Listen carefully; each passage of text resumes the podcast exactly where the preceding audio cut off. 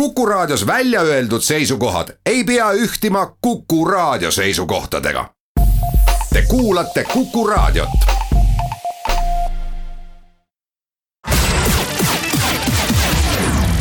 nädala Tegija. tegijaid hoiab Itella Smartpost. ja tere nüüd ka Nädala Tegija stuudiost. kuna sel nädalal on ettevõtlusnädal ja just täpselt täna on see päev, kus tunnustatakse ka parimaid Eesti ettevõtteid, siis Nädala Tegija saates me just ettevõtlusest räägimegi. ja ütlen siinkohal tere, Eesti Tööandjate Keskliidu tegevjuht Arto Aas, tere tulemast Kukusse. tere päevast no väga ägedad Eesti ettevõtted on siin nomineeritud ja eelmise aasta kõige parem ettevõte Cleveron on, ma vaatan siin nomineeritud ka nüüd eh, seekord väga eduka eksportija kategoorias. et selles mõttes teil on, kelle, kelle keskelt valida ja, ja neid asju, mis rõõmu teevad ju on. kindlasti, Eestis on väga palju edukaid, tugevaid, ambitsioonikaid ettevõtteid, kelle vahel valida ja tihtipeale see kõige parema väljavalimine ongi keeruline ja ja, ja, ja võib-olla mõne mõttes, mõne ettevõtte mõttes ka ülekohtune, aga aga pole hullu, ma usun, et kõik, kes on finalistide hulgas ja, ja, ja nomineeritud, saavad uhkust tunda, et, et nende tegemisi on tähele pandud, et seda tunnustatakse. Ja, ja ma usun, et igal sellel ettevõttel on rääkida oma lugu ja, ja inspiratsiooniks äh, nii alustavatele ettevõtetele, tudengitele, koolinoortele, miks mitte ka äh, niisuguses äh, hilises keskeas olevas inimestele, kes mõtlevad, et, et võib-olla peaks ühel hetkel ise ettevõtlusega kätt proovima. No ettevõtlusnädal on olnud ikkagi täis äh, erinevates Eesti paikades väga erinevaid sündmusi ja, ja ma arvan, et inimesed, kes ettevõtlusega juba seotud on või, või huvituvad sellest, et nad on saanud piisavalt inspiratsiooni aga kõigele vaatamata, kui me vaatame numbreid, siis üldiselt Eesti inimeste hulgas selline ettevõtjaks olemine ju väga popp ei ole, et äh, inimesed lõpetavad kooli, ka noored inimesed, siis nad ikkagi pigem näevad oma tulevikku, isegi kui nad tahavad väga edukad olla, näevad oma tulevikku mingis juba olemasolevas edukas ettevõttes palgatöölisena, aga mitte ettevõtjana, mis meil viga on? Ma arvan, meil Euroopa ja maailma kontekstis ei ole, ei ole midagi viga, et, et me ei ole võib-olla tõesti kõige ettevõtlikumad äh, inimesed, aga meil ei ole ka midagi häbeneda, et üsna keskmiste seas nende näitajate poolest äh, siin on muidugi erinevaid põhjuseid, üks on ka selline teadlikkus või ettevõtluse maine tervikuna, võib-olla on sellega seotud mingid negatiivsed müüdid, mida tuleb kummutada, äh, see nädal tõepoolest on äh, ligi paarsada Eesti ettevõtjat ja tippjuhti käinud koolides esinemas, mina sealhulgas, rääkinud siis õpilastele äh, ettevõtlusest, toonud näiteid, utsitanud neid äh, peale kooli siis kunagi ettevõtlusega tegelema. Ja minu arvates on meil selles mõttes hea seis, et kui, kui Euroopas tervikuna on äh, väga vähe selliseid globaalseid IT-ettevõtteid näiteks või tehnoloogiaettevõtteid, äh, siis Eestis on meie väiksuse kohta neid edukaid ettevõtteid ja tehnoloogia valdkonnas eriti väga palju. et äh, neid kutsutakse, eks ju, ükssarvikuteks, niisugused suured miljardeid väärt ettevõtted ja ma arvan, et nende ettevõtete edulood on küll nii inspireerivad ka tänapäeva noorte jaoks, et, et see aitab meelitada inimesi sinna sektorisse juurde, et minu arvates täna selles startup maailmas on niisugune mõnus särin sees, seal on niisugune väga hea energia äh,, hästi multikultuurne, hästi rahvusvaheline suhtlus äh,, see kõik suuresti algas meie Skype'i eduloost, mis tekitas terve põlvkonna äh, niisuguse rahvusvahelise kogemusega ettevõtjaid, kes on siis täna sünnitanud mitmeid-mitmeid uusi äh, väga edukaid äh, ärisid ja, ja see tõmbab äh, noori ligi ja, ja läbi selliste edulugude on, on väga hea, ma arvan, ka seda ettevõtluse mainet tervikuna edasi kanda no mis need noored inimesed seal koolipingis räägivad või kui nad teid kuulevad, et mis asi on see, mis nagu tiivustab, meil ju tegelikult selliseid edukaid õpilasfirmasid on ja mõnest on isegi täitsa midagi saanud. aga et noh, et enamasti nagu selliseks koolipõlve katsetuseks suur osa neist ju jääbki. Selles ei ole iseenesest midagi halba või erilist, et need õpilasfirmad ühel hetkel võib-olla välja surevad ega ettevõtlus ongi selline, et äh, väga harva see esimene ettevõte kasvab suureks. Ja, ja numbrid on selles mõttes veel halastamatud, et, et valdav enamus asutatud ettevõtteid äh, surebki mõne aasta jooksul välja, aga see ongi karm konkurents ja see viib edasi ja, ja ka, ka täna Eesti kõige edukamad ettevõtjad noh, ei ole vist nende hulgas kedagi, kes oleks, äh, ma ei tea, kakskümmend, kolmkümmend aastat ühe ideega alustanud ja, ja, ja täna täpselt samamoodi toimetaks et äris tulebki hästi tihti kohaneda, kui mõni idee ei tööta, tuleb see sinna paika jätta ja, ja võtta midagi uut ette. ja täpselt samamoodi nende õpilasfirmadega või, või kõige esimeste ettevõtetega, mis, mis noored asutavad,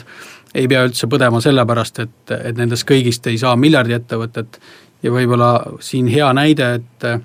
Eesti hetkel üks kõige edukamaid ja tuntumaid noori ettevõtjaid, Karel Kotkas, kes siis asutas niisuguse näotuvastus- või identifitseerimisfirma Veriff, ta on hetkel kahekümne nelja aastane, noh, Äripäev on arutanud, et ta varandus on juba seal üle paarikümne miljoni väärt, muljetavaldav tulemus, aga oma kahekümne nelja eluaasta kohta on see temal ta, kui ma ei eksi, siis oli kaheksas või üheksas ettevõtmine. et ta tegelikult juba kuueteistaastaselt alustas ja väga lihtsate asjadega, et, et see ongi meie tegelikult sõnum äh, täna koolinoortele, et et ei pea olema kohe midagi suurt ja keerulist, kohe ei saa vallutada maailma, et unistada võib suurelt, plaanid võivad olla ambitsioonikad, aga esimesed sammud peavad olema niisugused pisikesed või konkreetsed ja ja, ja lähiajal tehtavad. ja, ja meil on selles mõttes hästi, et Eesti Eestis on ju hästi lihtne ettevõtet alustada. et ta on juriidiliselt lihtne, tänapäeval ei pea enam olema äh, seda sissemaksetavat kapitali, äh, et tegelikult ühe ettevõtte asutamine võtab sul veebis tõesti ainult paar tundi aega, ja kui dokumendid äh, on isegi eeltäidetud ja, ja mõtle ainult oma nimi, nimi välja ja, ja pane tegevusvaldkond kirja, et selline sisenemine ettevõtlusesse on, on materiaalselt ja juriidiliselt tehtud hästi lihtsaks, vaja on siis ainult tõepoolest pealehakkamist ja mingit ideed. ja, ja seda me ka noortele ütleme, et, et ärge muretsege, et see alustamine tegelikult äh, ei ole keeruline, teil endal peab olema pealehakkamist. me teeme siinkohal oma jutuajamisse väikese pausi ja läheme kohe edasi. nädala Tegija tegijaid hoiab Itella Smartpost. Nädala Tegija saade läheb edasi, kuna on ettevõtlusnädal, siis räägime ettevõtlusest ja stuudios on Eesti Tööandjate Keskliidu tegevjuht Arto Aas. Eh, nimetasite just eh, ettevõtte alustamisest ja sellest, et see ei ole Eestis keeruline, oluliselt lihtsam on see tõesti, kui mujal maailmas või paljudes kohtades maailmas, ka Euroopas. ja eks meil on omajagu ka toetust, sellist täiesti materiaalselt käegakatsetavat toetust äh, alustavatele ettevõtetele. seda nii nendelt kesksetelt toetuste andjatelt kui ka paljudel omavalitsustel, et Tallinnas on küll minu meelest olemas näiteks see toetus alustavale ettevõttele. et kui vaadata ettevõtlussektorit tervikuna, et kui hea see riiklik ja ütleme ka Euroopa Liidu rahade toetussüsteem erinevates valdkondades on täna? See toetus niisugune äh, skeemid ja, ja, ja tausta, taustajõud on kindlasti olemas, et vastab tõele, nii, nii suuremad omavalitsused kui riigi erinevad äh, institutsioonid pakuvad. äh, Äh, nii nõustamisteenust kui ka niisugust stardiabi, et, et kel vähegi on huvi oma ettevõtte asutamise vastu, siis tasub uurida, pisut guugeldada ja ma usun, et, et mõne minutiga leiab need õiged kohad ja allikad üles ja, ja tasub proovida. Äh, et kui need vahendid on juba välja mõeldud ja programmid välja töötatud, siis, äh, siis ei ole seal mõtet häbeneda. Ja Eesti maksukeskkond tervikuna on ka ettevõtlust siiani veel soosiv, loodame, et selles osas äh, lähiajal mingeid negatiivseid äh, arenguid ei tule, et pigem, pigem me, meid takistavad võib-olla sellised asjad, et äh, kui ka mõelda noorte peale, et meie üldine heaolu on, on päris kiiresti kasvanud. Ja, ja meie noorem põlvkond võib-olla sellist materiaalset äh, nagu nälga on vähem, et vanematel läheb piisavalt hästi, et kooli ajal ei pea võib-olla tööl käima ja ja, ja saab keskenduda õpingutele või maailma avastamisele, eks ju, ja, ja tegeleda oma hobidega, et võib-olla selline üldine heaolu tase eh, teeb mugavaks, see risk on, ja ja, ja ka noh, küllalt kiirelt kasvanud palgad võivad tekitada selle tunde, et, et ah, lähen parem palgatööle, Äh, erilisi riske pole, väga suurt vastutust pole ja, ja, ja saan oma eluga ka hakkama. Et, et kindlasti üheksakümnendatel oli sellist äh, edunälga või ka materiaalset vajadust rohkem ja, ja, ja, ja noh, ettevõtjaid sündis hästi palju. et me peame vaatama jah, et see niisugune üsna kiirelt kasvanud heaolu meid liiga mugavaks ei tee vot nende toetuste poole pealt äh, see meie nagu kõige, kõige tähtsam asi, ehk siis sisenemine eksporditurgudele ja sisenemine uutele eksporditurgudele. et kui palju praegu ikkagi toetust on kas või meie välisesinduste näol, selle näol, et seal, seal oleksid spetsiaalsed inimesed, kes tegelevad äh, ka ettevõtjatega, sest et noh, meil on ju hästi erinevad esindused, mõnes kohas on väga vähe inimesi, et, äh, et kui hästi meil sellega on praegu? Eh, kindlasti oleme saanud eh, tugevamaks ja targemaks nii ettevõtjate poole pealt kui ka riigi poole pealt, et eelkõige siis EAS, kes ettevõtjaid välisturgudel toetab, et seda kogemust on, on aja jooksul juurde tulnud, aga ega ta lihtne muidugi ei ole, et, et välisturgude vallutamine noh, see on juba ütleme sellise äh, tugevate, edukate, hästi kapitaliseeritud äh, ettevõtete võimuses. Äh,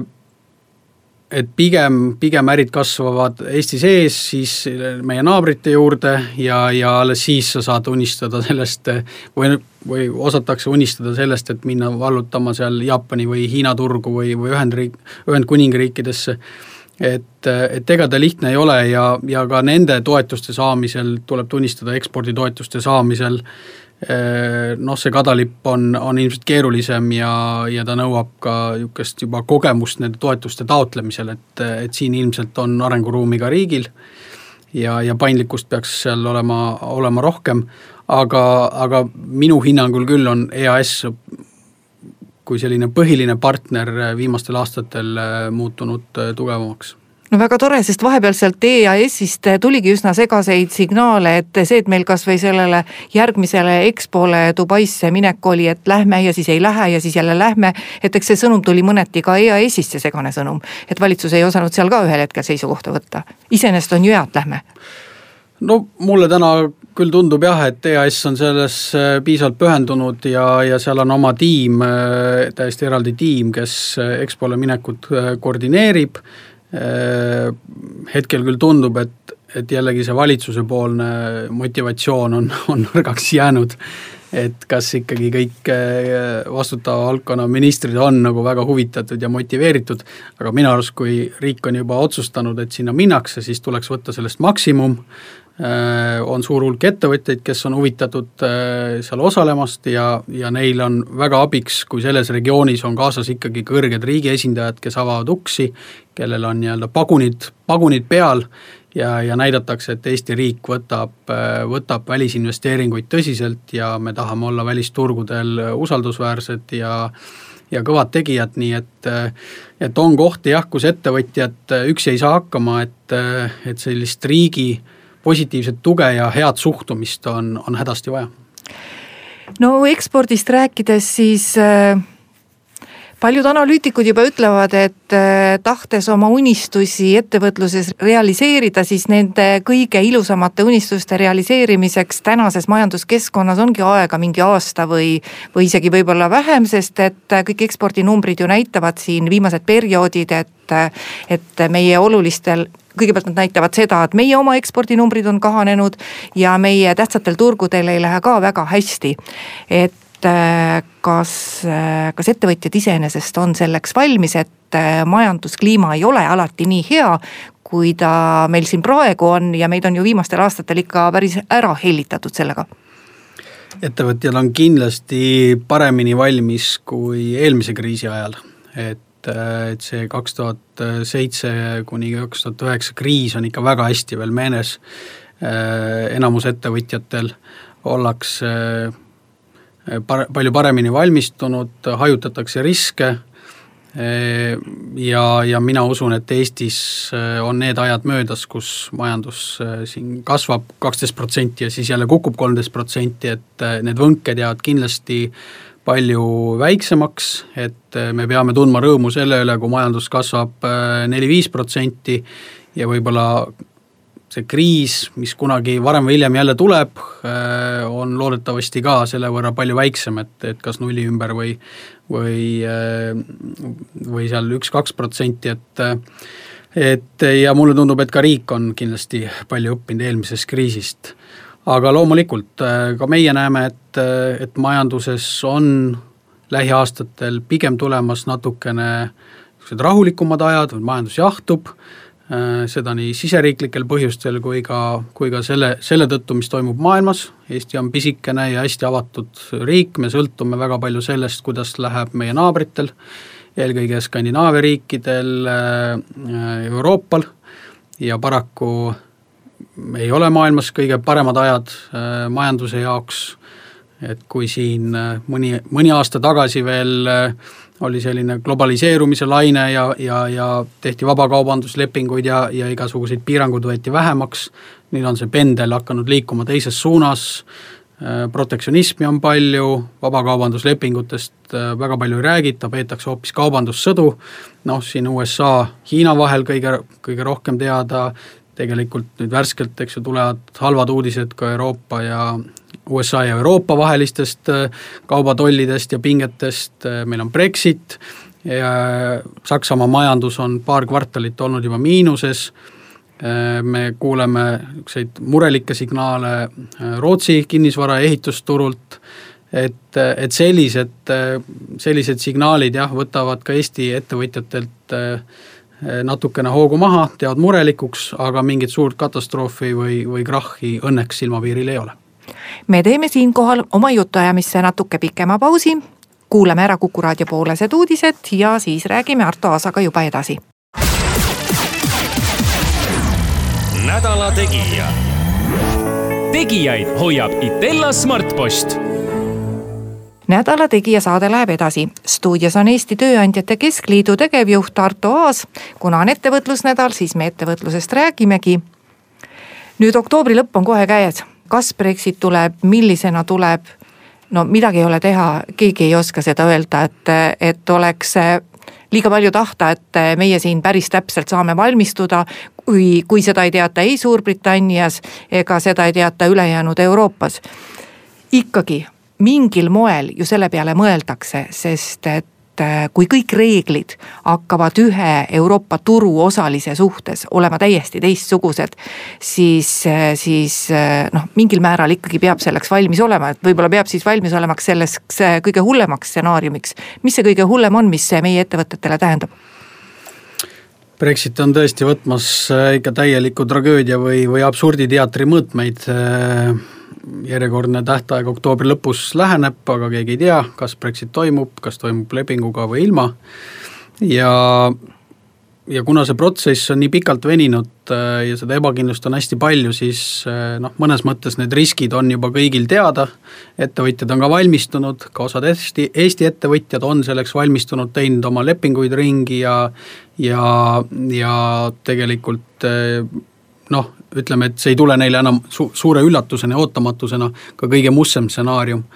Ühendkuningriikide kauba ja Eesti vaheline kaubavahetus on umbes paar protsenti, nii et me ei räägi siin väga suurest otsesest majanduslikust riskist. et, et kindlasti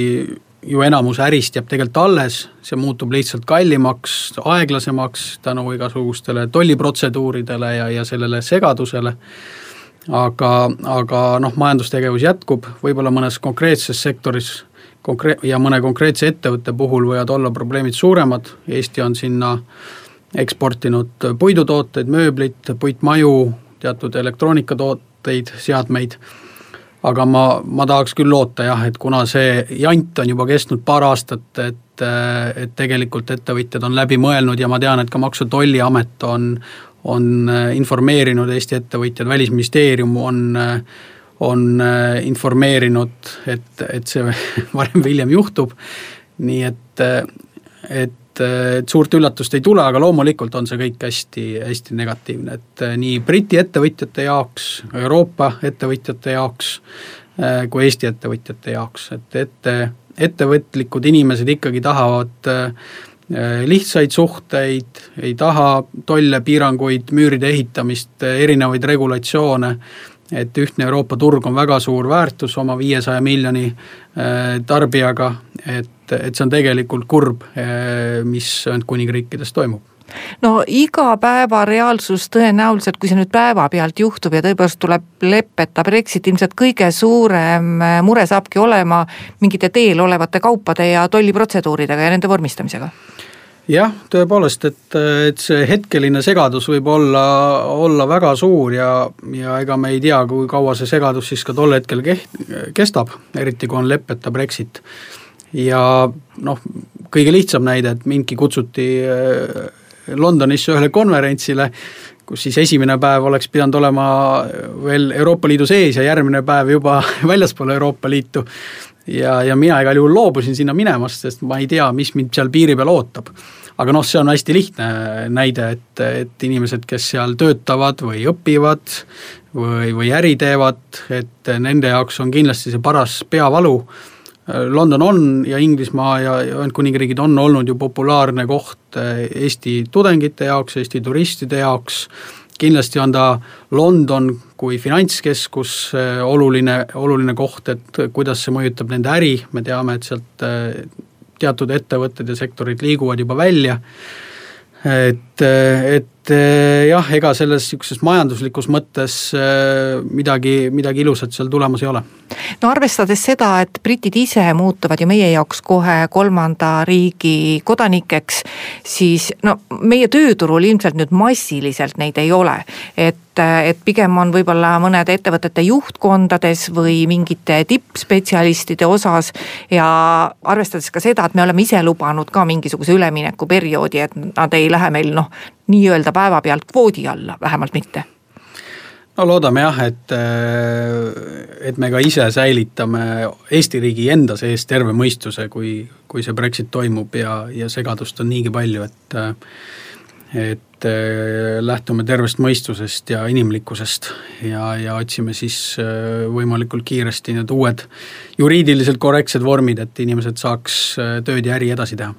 kuidas meil muidu üldse nüüd tööjõuga on, et ma saan aru, et et tööandjate organisatsioonid on siin valitsuse juures selgitustööd või lobi natukene teinud,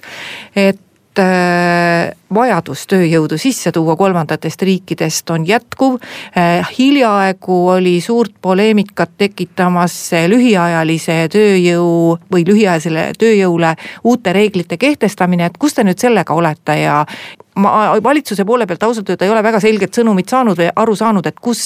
kus maal sellega on, et ja ega päevapealt ei tule nüüd jälle mingisugust tõkkepuud ette, et vaat ei saagi enam isegi lühiajaliselt kedagi siia tuua jah, tööjõupuudus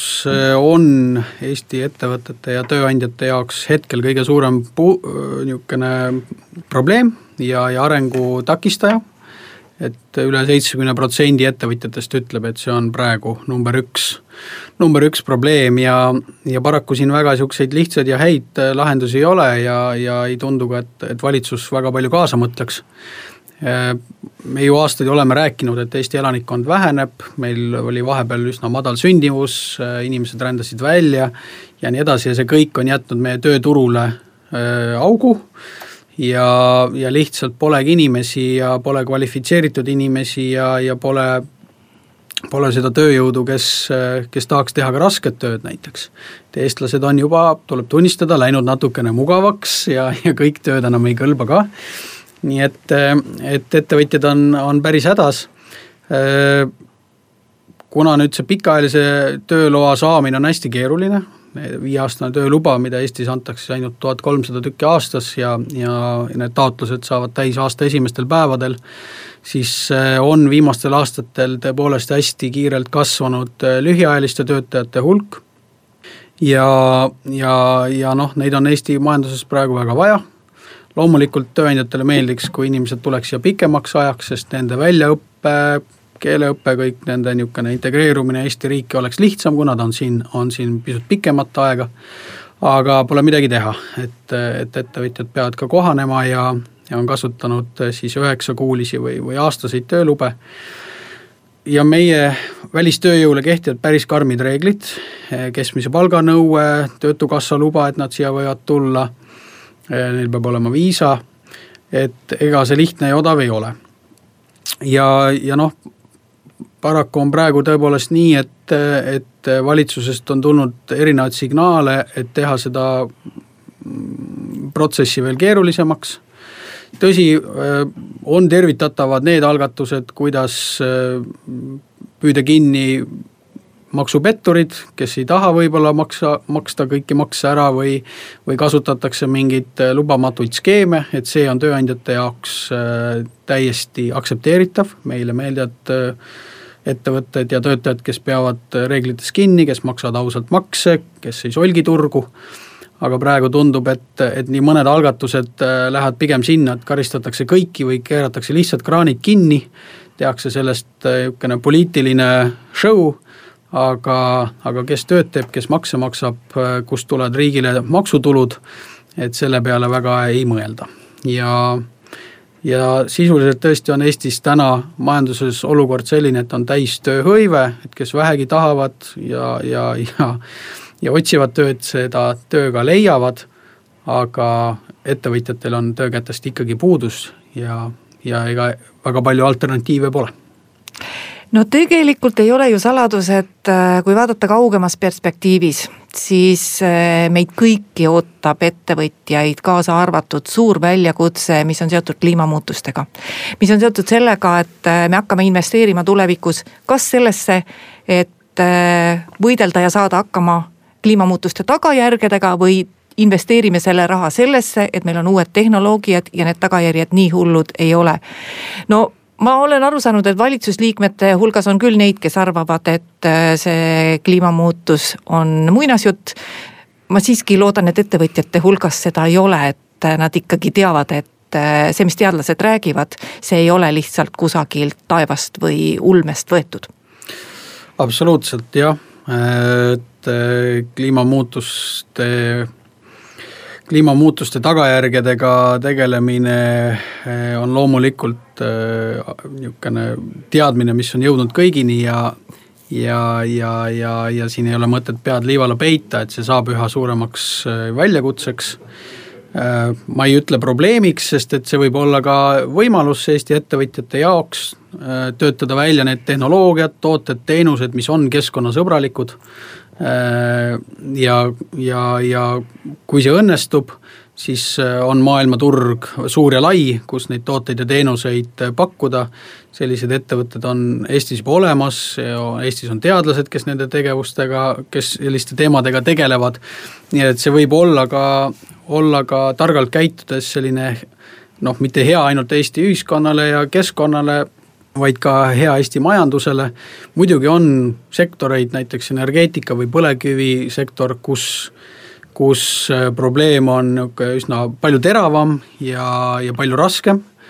sest et äh, seal on palju inimesi hõivatud, Eestil ei ole võimalik üleöö äh, mingeid teisi energiaallikaid kasutada, meie kõrval on suur Venemaa, kes energia tootmisel noh, vilistab igasugustele keskkonnanõuetele, ei huvita teda CO2 ega kliima soojenemine ega muud probleemid ja see energia võib väga vabalt äh, voolata siia ka meie turule, et äh, et siin tuleb nagu targalt käituda jah, et taastuvenergia on hea, uued tehnoloogiad on väga head, ta võtab natuke aega ja meie tarbijatena, klientidena peame aru saama, et sellel kõigel on ka hind. et sellel kõigel keskkonnateadlikkusel ja kliimaneutraalsusel on ka oma hind ja, ja see tuleb meil äh, ühiselt kinni maksta. me teeme oma saatesse ühe pausi veel ja räägime kohe edasi. nädala Tegija. tegijaid hoiab Itella Smartpost nädala Tegija saade läheb edasi, stuudios on Eesti Tööandjate Keskliidu tegevjuht Arto Aas Jarto Aas ju alles natuke aega tagasi olite te ju poliitik ja tegelikult äh, olite poliitikas suurema osa oma, oma elust. ikkagi mu mäletamist mööda lausa mitukümmend aastat, et äh, kuidas nüüd elu on nii-öelda väljaspool Riigikogu ja väljaspool erakonda? ma loodan küll, et suurem osa mu elust on veel ees, aga, aga tõsi ta on, et, et avalikus sektoris äh, umbes kakskümmend aastat sai kogemust omandatud aga ma olen selle muutusega väga rahul, et ma olen nüüd erasektori poole peal, äh, ma tahtsin oma elus muudatust, tahtsin, tahtsin muutust ja, ja selle ma olen saanud. Ja mul silm särab ja esimesed neli kuud Tööandjate Keskliidus on olnud väga arendavad, väga õpetlikud ja ja, ja mul endal on hästi põnev, nii et ma olen selle muutusega elus rahul ja, ja soovitan kõigil, kes on, kes tunnevad, et nad on võib-olla oma senises karjääris pisut seisma jäänud või või iga päev tööle minnes enam äh, ei ole nii põnev, kui, kui võiks olla jälgite seda ka, mida teie endine koduerakond äh, Reformierakond praegu teeb ja mis olukorras nad on? no minu töö on juba selline, et ma pean poliitilisi protsesse jälgima, et, äh, et et eh, eks ma ikka jälgin, mis Riigikogus ja valitsuses toimub, tõsi on see, et et meie oma teavitustöös ja seisukohtade kujundamisel eelkõige praegu suhtleme valitsusega, meil on, meil on palju kohtumisi nii ametkondlikul tasandil kui, kui ministritega, peaministriga, et need kontaktid ja suhted on olemas aga, aga eks ma ikka lehte loen ja, ja vaatan, kuidas teistel erakondadel ka läheb, nii et äh, aktiivne Eesti riigi kodanik olen ma jätkuvalt edasi. no väliskaubandusminister peaks olema nüüd äh, ja IT-minister see minister, kes otseselt suhtleb ka tööandjatega, et äh, ajakirjanikega ta väga ei suhtle ja ma saan aru, et riigikogu komisjonides ka ei käi, aga teie olete ikka kohtunud peab tunnistama, et eh, paar korda oleme kohtunud, aga aga mitte väga niisuguses eh, ülemäära töises keskkonnas võib-olla, et, eh, et minister ei ole ka ise siiani huvi üles näidanud ja meid tööalased küsimused ei ole veel väga tihedalt kokku viinud, et et ma ei saaks öelda, et meil oleks mingi konflikt omavahelistes suhetes, aga, aga aga noh, ei ole ka väga töist ja igapäevast suhtlust. nüüd te oskate kindlasti takkajärgi öelda, et, et mis on see, mis ühel hetkel viib poliitikast minema ja, ja, ja väljastpoolt vaadates, et noh, et millal sa ütled endale, et noh, et ongi kõik, sest praegu, kui vaadates Reformierakonna, teie põlvkonda, siis äh, väga mitmed inimesed, just nimelt need, kellega te üheaegselt poliitikasse tulite ja ilmselt olite ka enne seda tuttavad ja võib-olla isegi sõbrad, äh, on lahkunud, et mõtlen siin Remo Holsmerit, mõtlen siin Kalle Palnik, Pallingut. et äh, mis on see, mis nagu peaaegu ter-, terve põlvkonna viis, viis sealt Reformierakonnast minema, Taavi Rõivas ongi ainult jäänud, tema, ma saan aru, on küll öelnud, et tema ei lähe kuhugi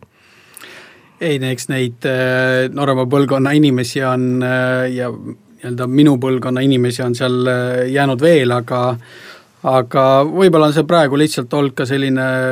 pisut kokkusattumus, et, et mitu inimest on, on paari aasta sees otsustanud lahkuda. et noh, ma võin enda eest rääkida lihtsalt, kui sa oledki